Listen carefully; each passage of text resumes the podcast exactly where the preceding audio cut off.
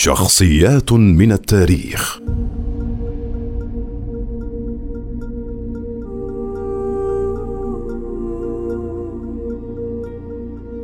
عنتر بن شداد هو أشهر فرسان العرب في الجاهلية ومن شعراء الطبقة الأولى. ولد سنة 525 وكان من أحسن العرب شيمة ومن أعزهم نفسا. وفي شعره رقة وعذوبة. كان مغرما بابنة عمه عبلة فقل أن تخلو له قصيدة من ذكرها. وكان عنترة من قبيلة عبس. ابن شيخها شداد وأمه جارية حبشية أورثته بشرتها والطعن في شرعيته. لذا احتقر. وأرسل في صباه ليرعى ابل والده مع بقية العبيد.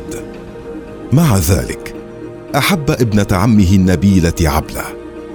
ووفقا للعادة العربية تكون الأفضلية في زواجها لابن عمها. فطلب يدها لكنه رفض. ولم يتغلب على تعصبهم إلا لحاجة القبيلة الملحة لمساعدته في حربها الطويلة مع قبيلة ذبيان.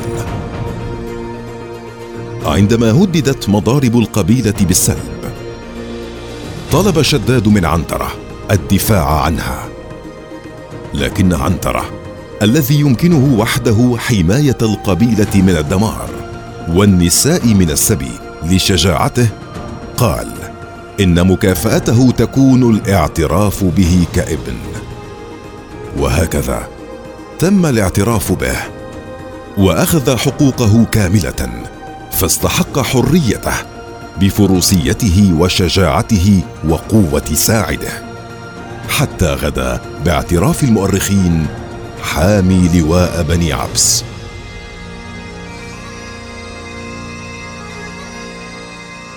باستثناء حبه لعبله وإشعاره لها كانت حياته سلسلة متواصلة من الغزوات والمعارك والأخذ بالثار. ولم يكن هناك سلام مع العدو طالما هو على قيد الحياة. قيل أنه عاش طويلا واجتمع في شبابه بامرؤ القيس. حفظت أعمال عنتر البطوليه وشعره شفويا. وأثمرت قصة فروسية رومانسية تدور حول حياته ومغامراته تتسم بالغلو في الأسلوب. ويقول فون هامر قد يعتبر العمل كله رواية أمينة للمبادئ القبلية العربية خاصة قبيلة بني عبس التي ينتمي إليها عنترة. وقد اهتم المستشرقون الغربيون بشعراء المعلقات وأولوا اهتماما خاصا بالتعرف على حياتهم. فقد قالت الليدي امبلاند وفولفريد شيفن بلاند عن عنترة في كتاب لهما عن المعلقات السبع صدر في بداية القرن العشرين من بين كل شعراء ما قبل الإسلام كان عنترة أو عنتر كما هو أكثر شيوعا كان أكثرهم شهرة ليس لشعره بل لكونه محاربا وبطل قصة رومانسية من العصور الوسطى تحمل اسمه. وكان بالفعل فارسا جوالا تقليديا من عصر الفروسية. صاحب شخصية أسطورية يصعب فصلها عن شخصيته في التاريخ.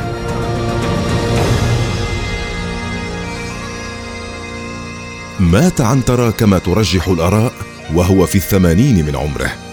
في حدود السنة 615 وذهب فريق إلى أنه عمر حتى التسعين وأن وفاته كانت في حدود السنة 625 لكن الروايات حول وفاته تعددت.